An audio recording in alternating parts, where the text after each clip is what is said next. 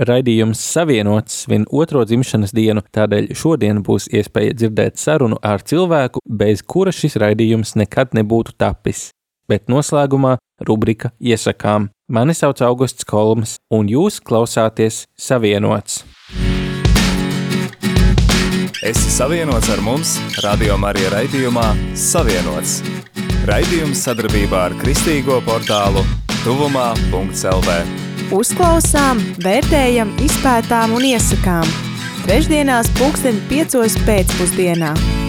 Esi savienots!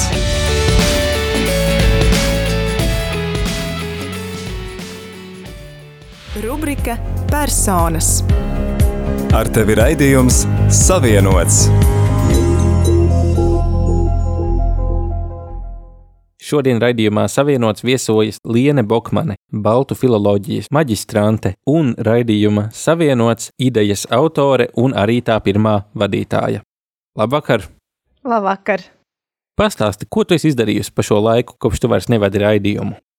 Beidzot vadīt raidījumu, es tā robeža bija starp šo raidījumu un bakalaura darbu. Tieši tādēļ arī es beidzu vadīt raidījumu, jo es cītīgi, cītīgi sēdēju pie bakalaura darba, ko es tobrīd vēl rakstīju komunikācijas zinātnē.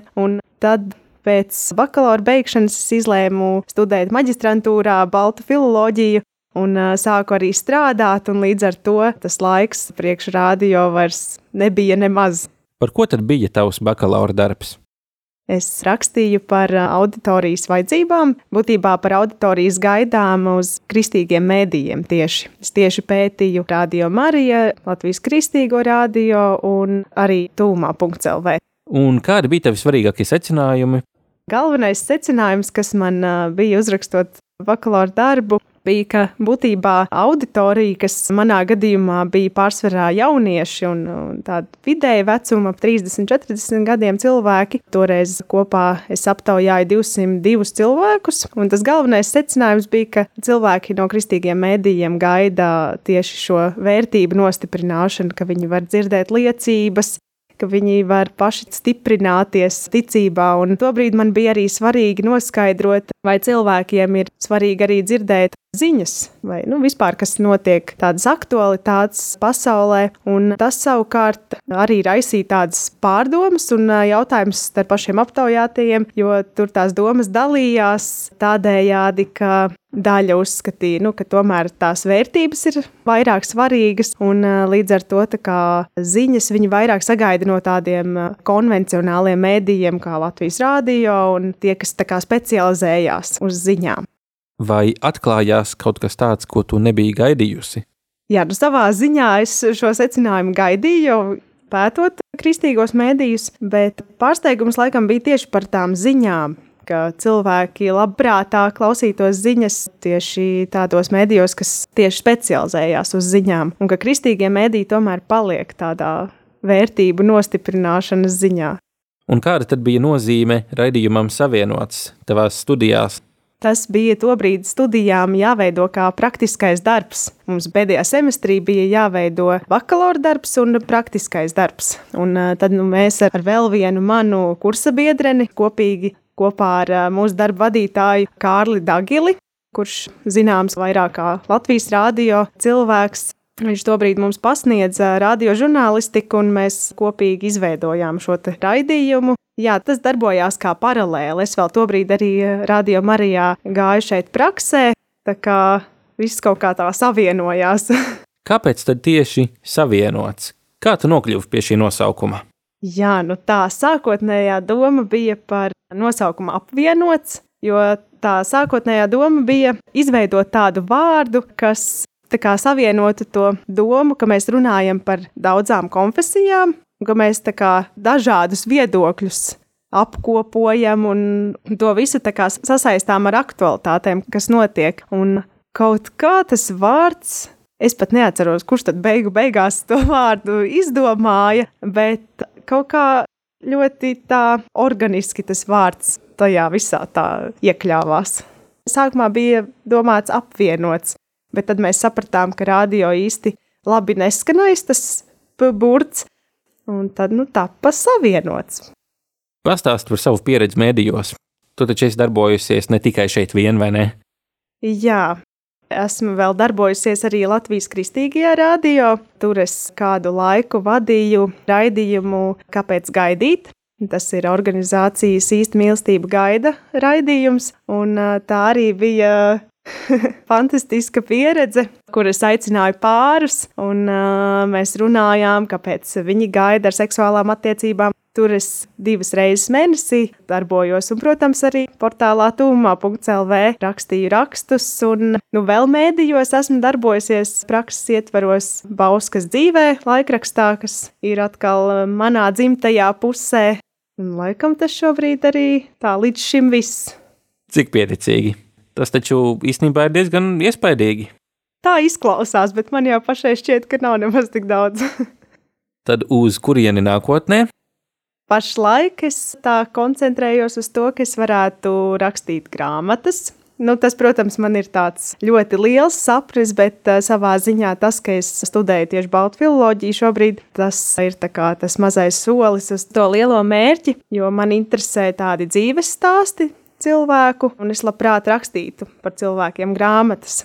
Un uh, savā ziņā arī šobrīd es tieši arī strādāju pie maģistra darba, un es pētu tieši autobiogrāfiskus romānus, kas arī savā ziņā sasaistās ar to, ko es dzīvē gribu darīt. Es nezinu, vai es darbošos kādā mēdījā, varbūt kā brīvā žurnāliste, bet šobrīd, jā, šobrīd nezinu. Tu minēji par mēdījiem un par brīvajiem žurnālistiem. Šodien praktiski ik viens, kam ir telefons vai dators un piekļuvi internetam, pēc būtības var būt žurnālists. Ne katrs var šādi runāt radio, bet ik viens var veidot podkāstu, piemēram, vai rakstīt blogu, vai veidot raidījumu YouTube. Ir izzudis tradicionālo mediju monopols uz ziņām. Vai tavuprāt ir labi, ka ik viens var šādi publiski paust savu viedokli un nav jāmeklē kāds vārtu sargātājs, kas to tagad publicēs, vai tomēr šeit pārāk ļoti zūd kvalitāte, uzticamība un patiesīgums? Jā, nu, manuprāt, tas, ko tu pēdējo minēji, ka zūd tā uzticība, manuprāt, tā ir, jo te rodas man šķiet tāda informācijas pārbagātība, ko īstenībā Mums cilvēkiem, man šķiet, nav paredzēts visu laiku uztvert tik daudz informāciju, ka tev ir atvērts Facebook, tev ir atvērti vēl visādi portāli, kas visu laiku raksta kādas ziņas, kas notiek. Un, manuprāt, tas, ka ik viens var tagad paust savu viedokli, jā, no vienas puses tas ir labi, ka visi var izteikties, bet no otras puses, manuprāt, arvien vairāk varētu būt šī problēma, ka parādīsies tā saucamās uh, fake ziņas, ka mm. Tu īsti nezini, vai tiešām tas ir patiesa vai nē. Jo būtībā tu jau ar telefonu vari nobildēt jebko un pateikt, ka tas ir kaut kas, ko tu pats esi izdomājis. Bet vai tas tā būs, to jau īsti neviens nezinās. Arī profesionāļi nav pasargāti no kļūdām, vai ne? Nu, arī taisnība, jā. Bet te, manuprāt, ir tā, ka, ja kāds profesionālis kļūdās kādā nu, ziņu portālā, kur tu zini, ka tu pārsvarā uzticies tam portālam, tad, ja gadīsies kāda kļūda, tad tu zini, ka ja paši profesionāļi būs to pamanījuši, viņi par to arī pēc tam ziņos. Mhm. Manuprāt, ka tur tā atšķirība, jo ne katrs, kurš kaut ko nofočēs ar telefonu vai kaut ko uzrakstīs, nevienmēr, ja viņš pēc kāda laika sapratīs, ka tā ir bijusi kļūda, nevienmēr viņš to paziņos, bet tādā profesionālā mēdījā, manuprāt, tas tomēr būtu nu, tāds kā pienākums to izdarīt.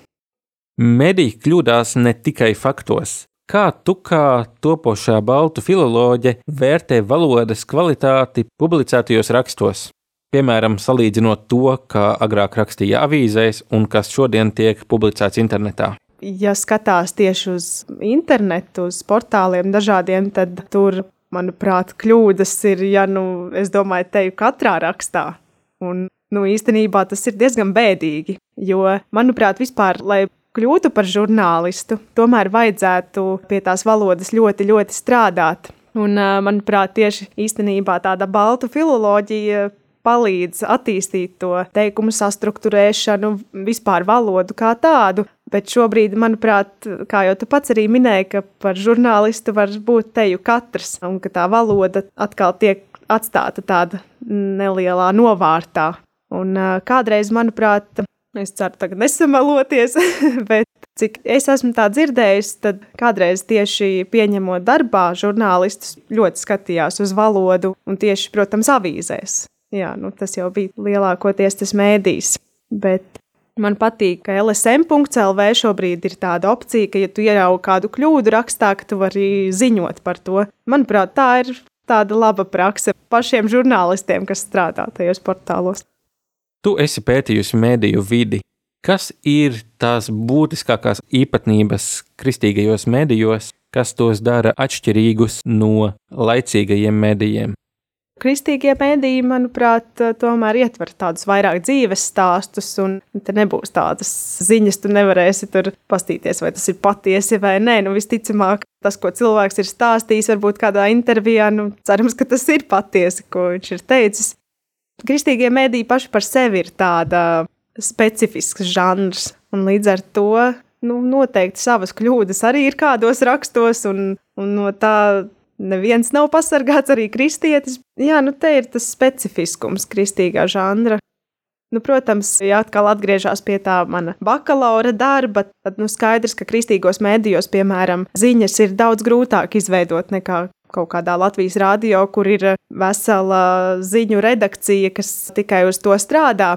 Bet kristīgā mēdījā, piemēram, tas, kurš raksta par kādu interviju vai dzīves stāstu, vai, piemēram, rādio, kurš sēž pie pults un viņam vēl viss kaut kas ir jāizdara, viņš tās ziņas nu, paskatīsies tikai tas, kas varbūt ir internetā vai ziņu aģentūrā Leta. Protams, ka tās ziņas nebūs tik kvalitatīvas kā, piemēram, Latvijas rādio. Un tas ir ļoti labi saprotams. Vienkārši kristīgie mēdīji, manuprāt, viņiem nav tās iespējas, lai varētu dabūt tādu komandu un arī atalgot visus darbiniekus un izveidot tik lielu komandu kā citi radio. Tas ir, manuprāt, saprotams. Kas nepieciešams cilvēkam, kurš vēlas sākt darboties mediju vidē, laicīgajā vai kristīgajā, tā kā tu sāki ar raidījumu savienots? Būtībā kādam jābūt žurnālistam. Ja? Pirmkārt, tāda drosme iet, un, nu, ja tas ir rādio vai īstenībā jebkurš mēdījis, tev ir jābūt komunikablam, atvērtam un noteikti jāprot klausīties. Tas ir ļoti svarīgi. Būtībā spēja klausīties ir, manuprāt, pats svarīgākā, jo Tev var nebūt ne žurnālista izglītība, nekas, bet, ja tu proti klausīties, tad prasīs uzdot jautājumus. Un, nu, jā, būtībā tās varētu būt tās galvenās īpašības. Kādu padomu tu dotu jaunietim, kristietim, kurš vēlētos sākt darboties mēdīju pasaulē? Vajag tikai sākt darīt. ja kādam jaunietim ir ideja vai kaut kas, kas urdi iekšā, ka viņš grib kaut ko darīt, tad, tad noteikti ar šo ideju vajag iet pie kāda mediju pārstāvja un runāt. Pat arī, ja nav idejas, bet ja grib kaut ko darīt, tad vienkārši vajag jā, to drosmi. Īstenībā tā drosme ir tāds, manuprāt, vajag tikai mazu kripatiņu, jo tad, kad to soli esi spēris, tad jau viss tālāk aiziet. Un nevajag baidīties to darīt, un tad jau visas pārējās lietas tur iemācīties Nu, ja tas ir radio, tad iemācīties pie pults, vai kur to visu var iemācīties procesā, un par to noteikti nevajag šaubīties. Vai, ja grib kaut ko darīt tādā portālā kā tūmā.lv, tad jāapzinās ikvienam, ka cilvēki ir vajadzīgi. Un varbūt tieši tas, ka tie cilvēki ir vajadzīgi, varbūt tam jaunietim dos kādu motivāciju iesaistīties, kaut ko darīt. Jo varbūt tas lielākais biets ir par to, ka, ja es iesaistīšos, tad man būs viss brīvais laiks aizies tam, bet var jau kaut ko pavisam mazu darīt, un tas būs ļoti nozīmīgs ieguldījums, manuprāt, jebkurā kristīgā mēdījā.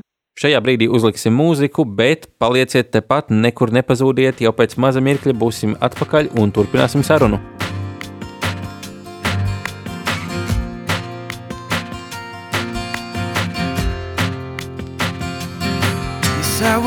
Rise out of these ashes, rise from this trouble I found in this trouble on the ground. I will rise. Yes, I will rise out of these ashes, rise from this trouble I found in this trouble on the ground. I will rise. Cause he who is in will ever be now where I hide. Yes, he who is in me is greater than I will ever be now where I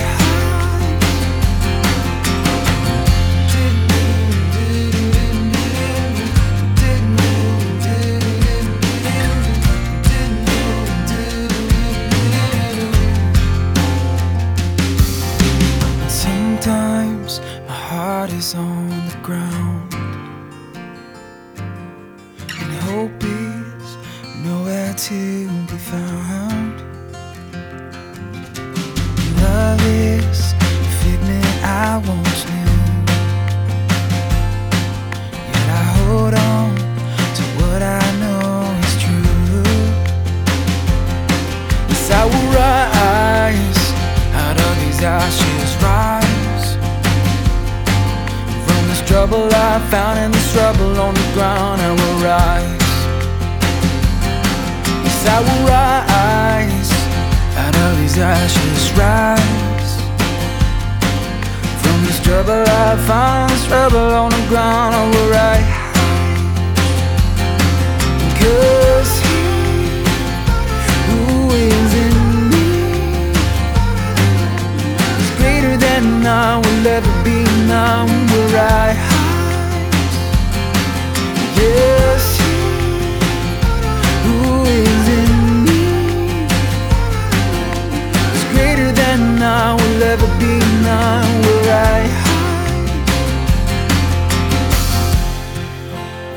keep on coming to this place that I don't know quite how to face.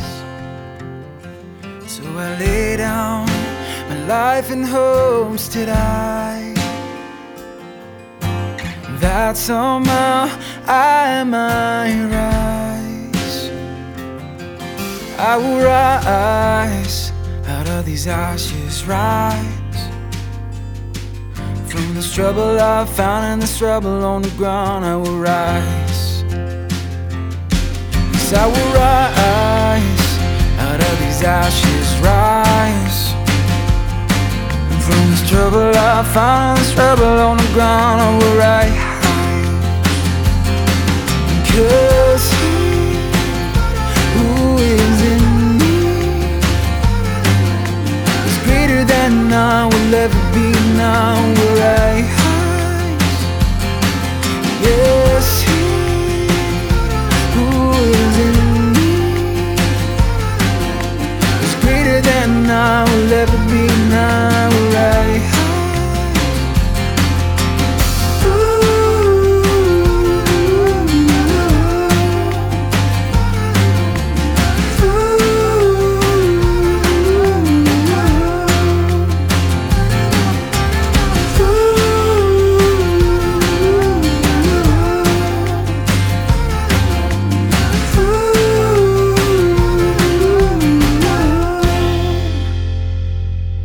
Šodien raidījuma savienots otrās dzimšanas dienas reizē ar mani kopā ir Liene Bokmane, raidījuma savienots idejas autore un pirmā vadītāja, un mēs runājam par kristiešiem un mēdīju vidi.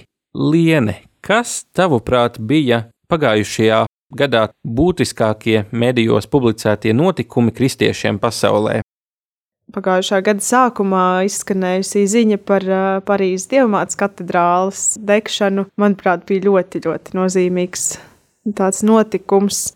Un savā ziņā arī, kas man tagad nāk prātā no tā notikuma, ka savā ziņā, nu, liekas, kaut kas nodeg, kaut kas, nu, protams, slikti vai ne, bet savā ziņā tas joprojām parāda, ka Dievs darbojas, un, manuprāt, ļoti zīmīgi ir tas, ka pie altāra tas krusts palika nesadedzis, tāda, varbūt tā filozofiskāk runājot, ka tas parāda, ka pāri visam Dievs ir dzīvs, un lai kas arī notiktu, īstenībā, kas tik pasaulē šobrīd arī nenotiek, ka Dievs tomēr ir dzīvs. Jā, tas ir interesanti, ka tu uz šo notikumu skaties tādā filozofiskā veidā. Arī man tas jau no paša sākuma likās tāds, sacīsim, jā, simbolisks vai zīmīgs notikums, kas lika aizdomāties par to, kas notiek ar kristietību Eiropā šodien.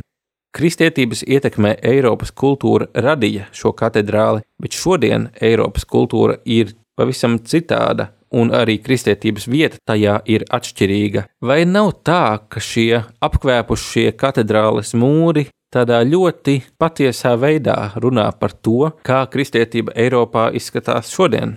Jā, nu savā ziņā, jā. Jo, manuprāt, šobrīd tā tendence, vismaz tādās tradicionālās konfesijās, nu, nevar arī teikt, ka visās un ka visi cilvēki, bet tomēr ir tas, ka mēs tomēr esam tādi sēdošie kristieši, ka mēs kaut ko it kā gaidām visu laiku, bet negribam paši dot. Man, protams, grūti tā runāt par visu Eiropu kopumā, bet, manuprāt, tā kopējā bilde tomēr varbūt tāda ir. Kas to lai zina, ko Dievs ar tādiem notikumiem grib pateikt, bet nu, katrā ziņā tas mums liek aizdomāties. Un, ja mēs nonākam pie tādām domām, tad varbūt Dievs arī kaut ko tādu ir vēlējies pateikt. Un tad tūlīt pēc tam notika terorakts Šrilankā lieldienās, kur gāja bojā 259 cilvēki. Jā, baznīcā, jā. Jā, baznīcās un arī viesnīcās. Jā, nu visi tie terorakti un ugunsgrēki, nu, tas viss nav patīkami. Un, manuprāt, mēs kā kristieši vispār tam tā pārdzīvojam līdzi, jo, jo kristieši tas liekas kā savējie. Jebkurā pasaules malā, lai kas arī notiktu, liekas tā kā kaut kā sirds iesāpās, ka kaut kas notiek ar savējiem. Bet, manuprāt, arī Bībelē ir teikts, ka būs kari, būs tādas lietas notiks, un tas vienkārši ir jāpieņem, ka, ka tā ir. Pārunājot kristiešiem nozīmīgākos aizgājušā gada notikumus ar tuvumā LV komandu, nācās secināt, ka vairums šo notikumu bija saistīti ar nepatīkamām norisēm. Vai bija arī kāds pozitīvs, varbūt iedvesmojošs notikums, kas tev ir palicis atmiņā?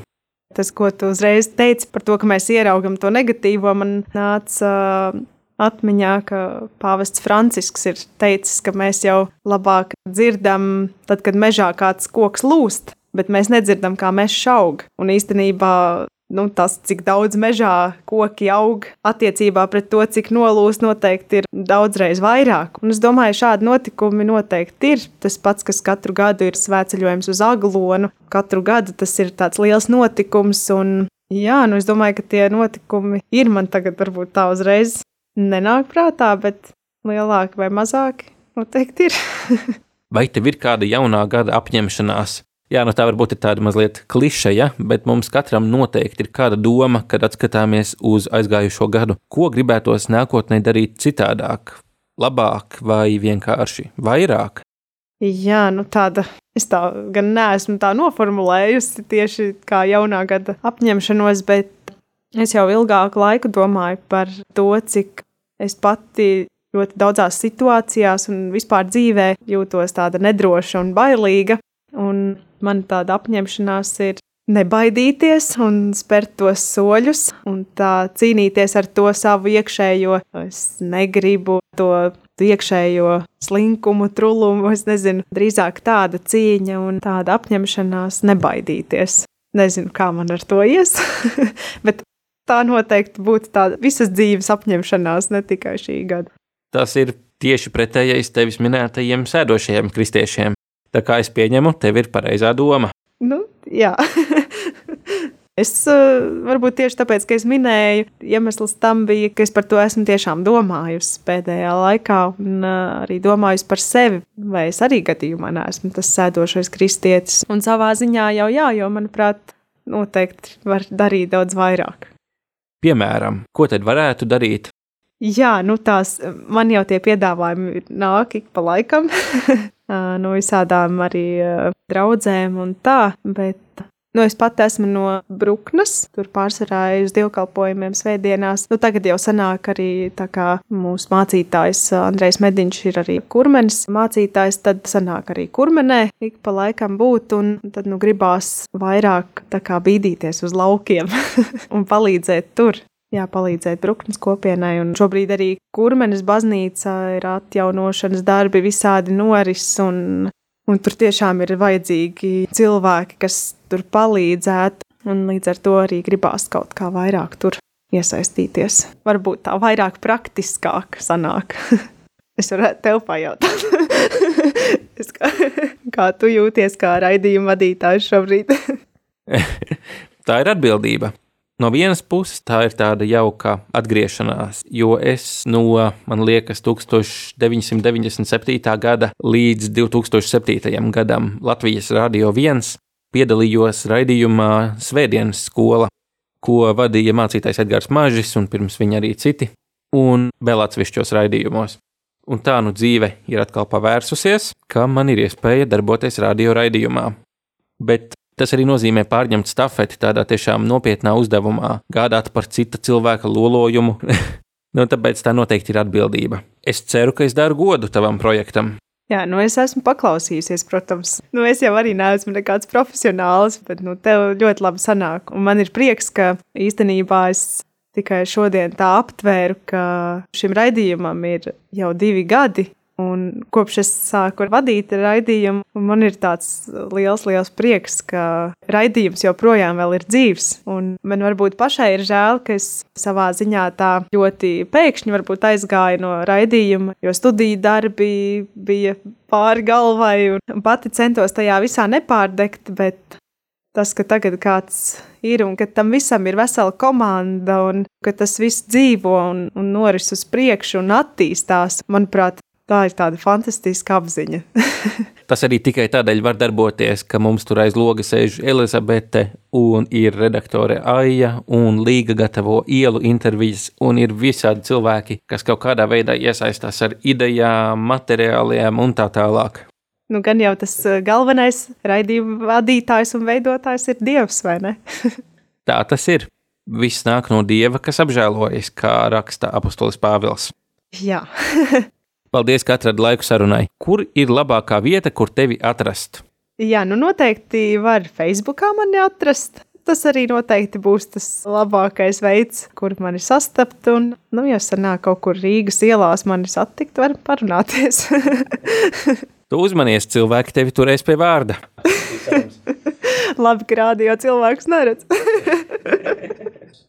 Twitteris, Instagrams. Instagrams un Facebooks. Instagram at Liene Bokmane.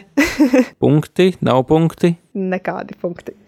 Nekādi punkti, bet šai sarunai mēs liekam punktu. Vēlreiz paldies, ka biji. Paldies, ka uzaicināji.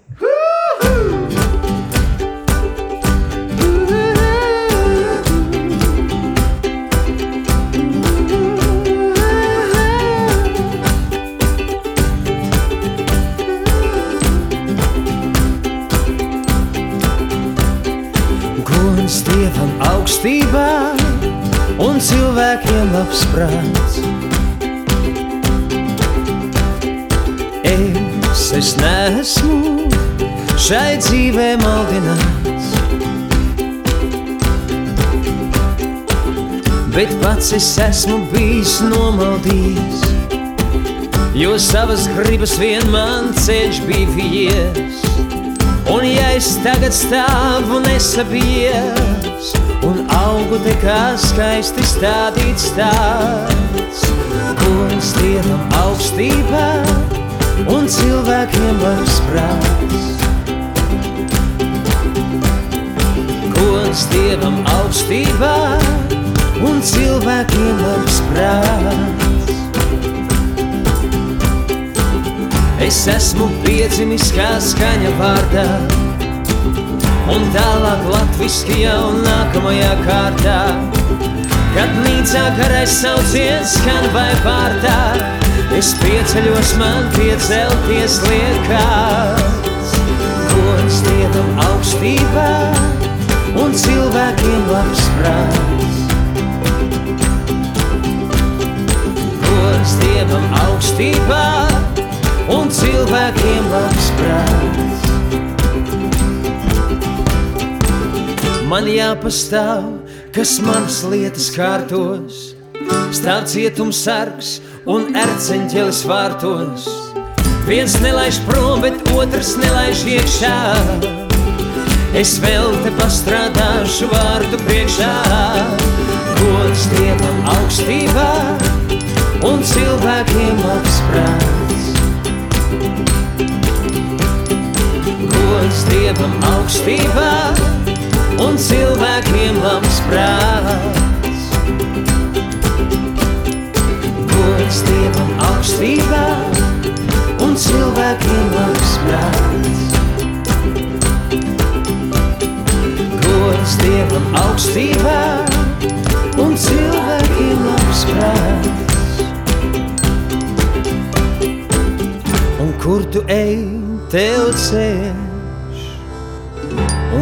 Tu ej, tev ceļš ir gaismas klāts.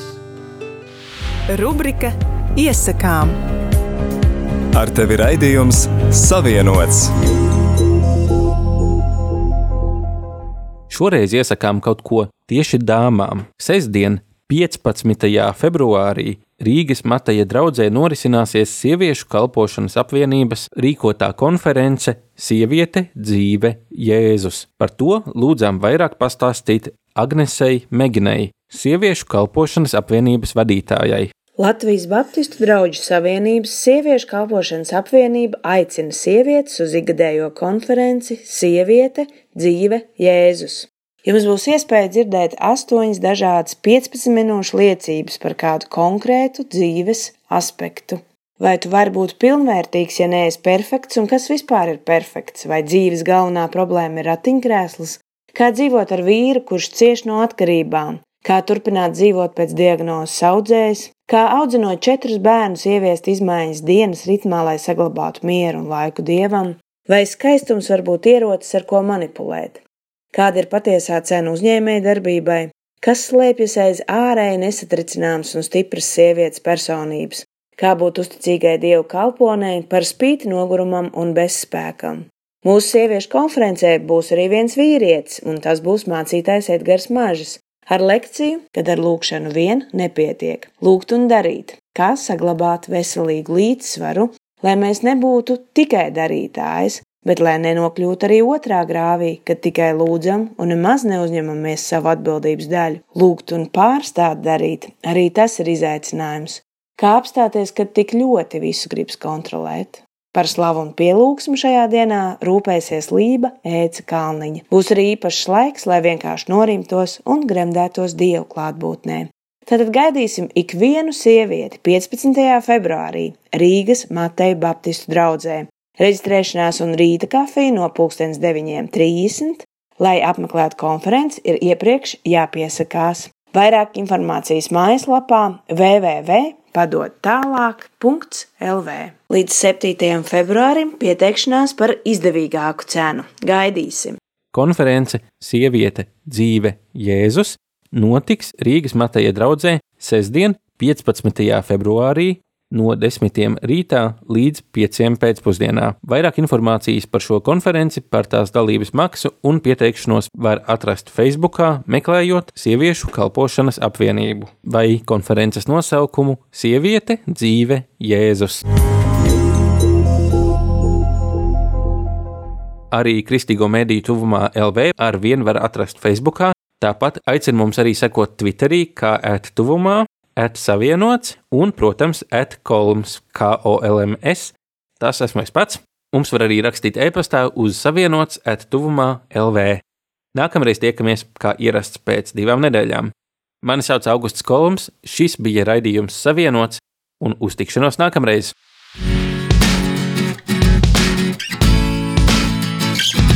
Tu klausījies raidījumu Savienots. Būsim atkal ēterā trešdien pulksten piecos pēcpusdienā. Klausies mūsu radio Marija un lasi kristīgo portālu tuvumā.lv. Es esmu savienots!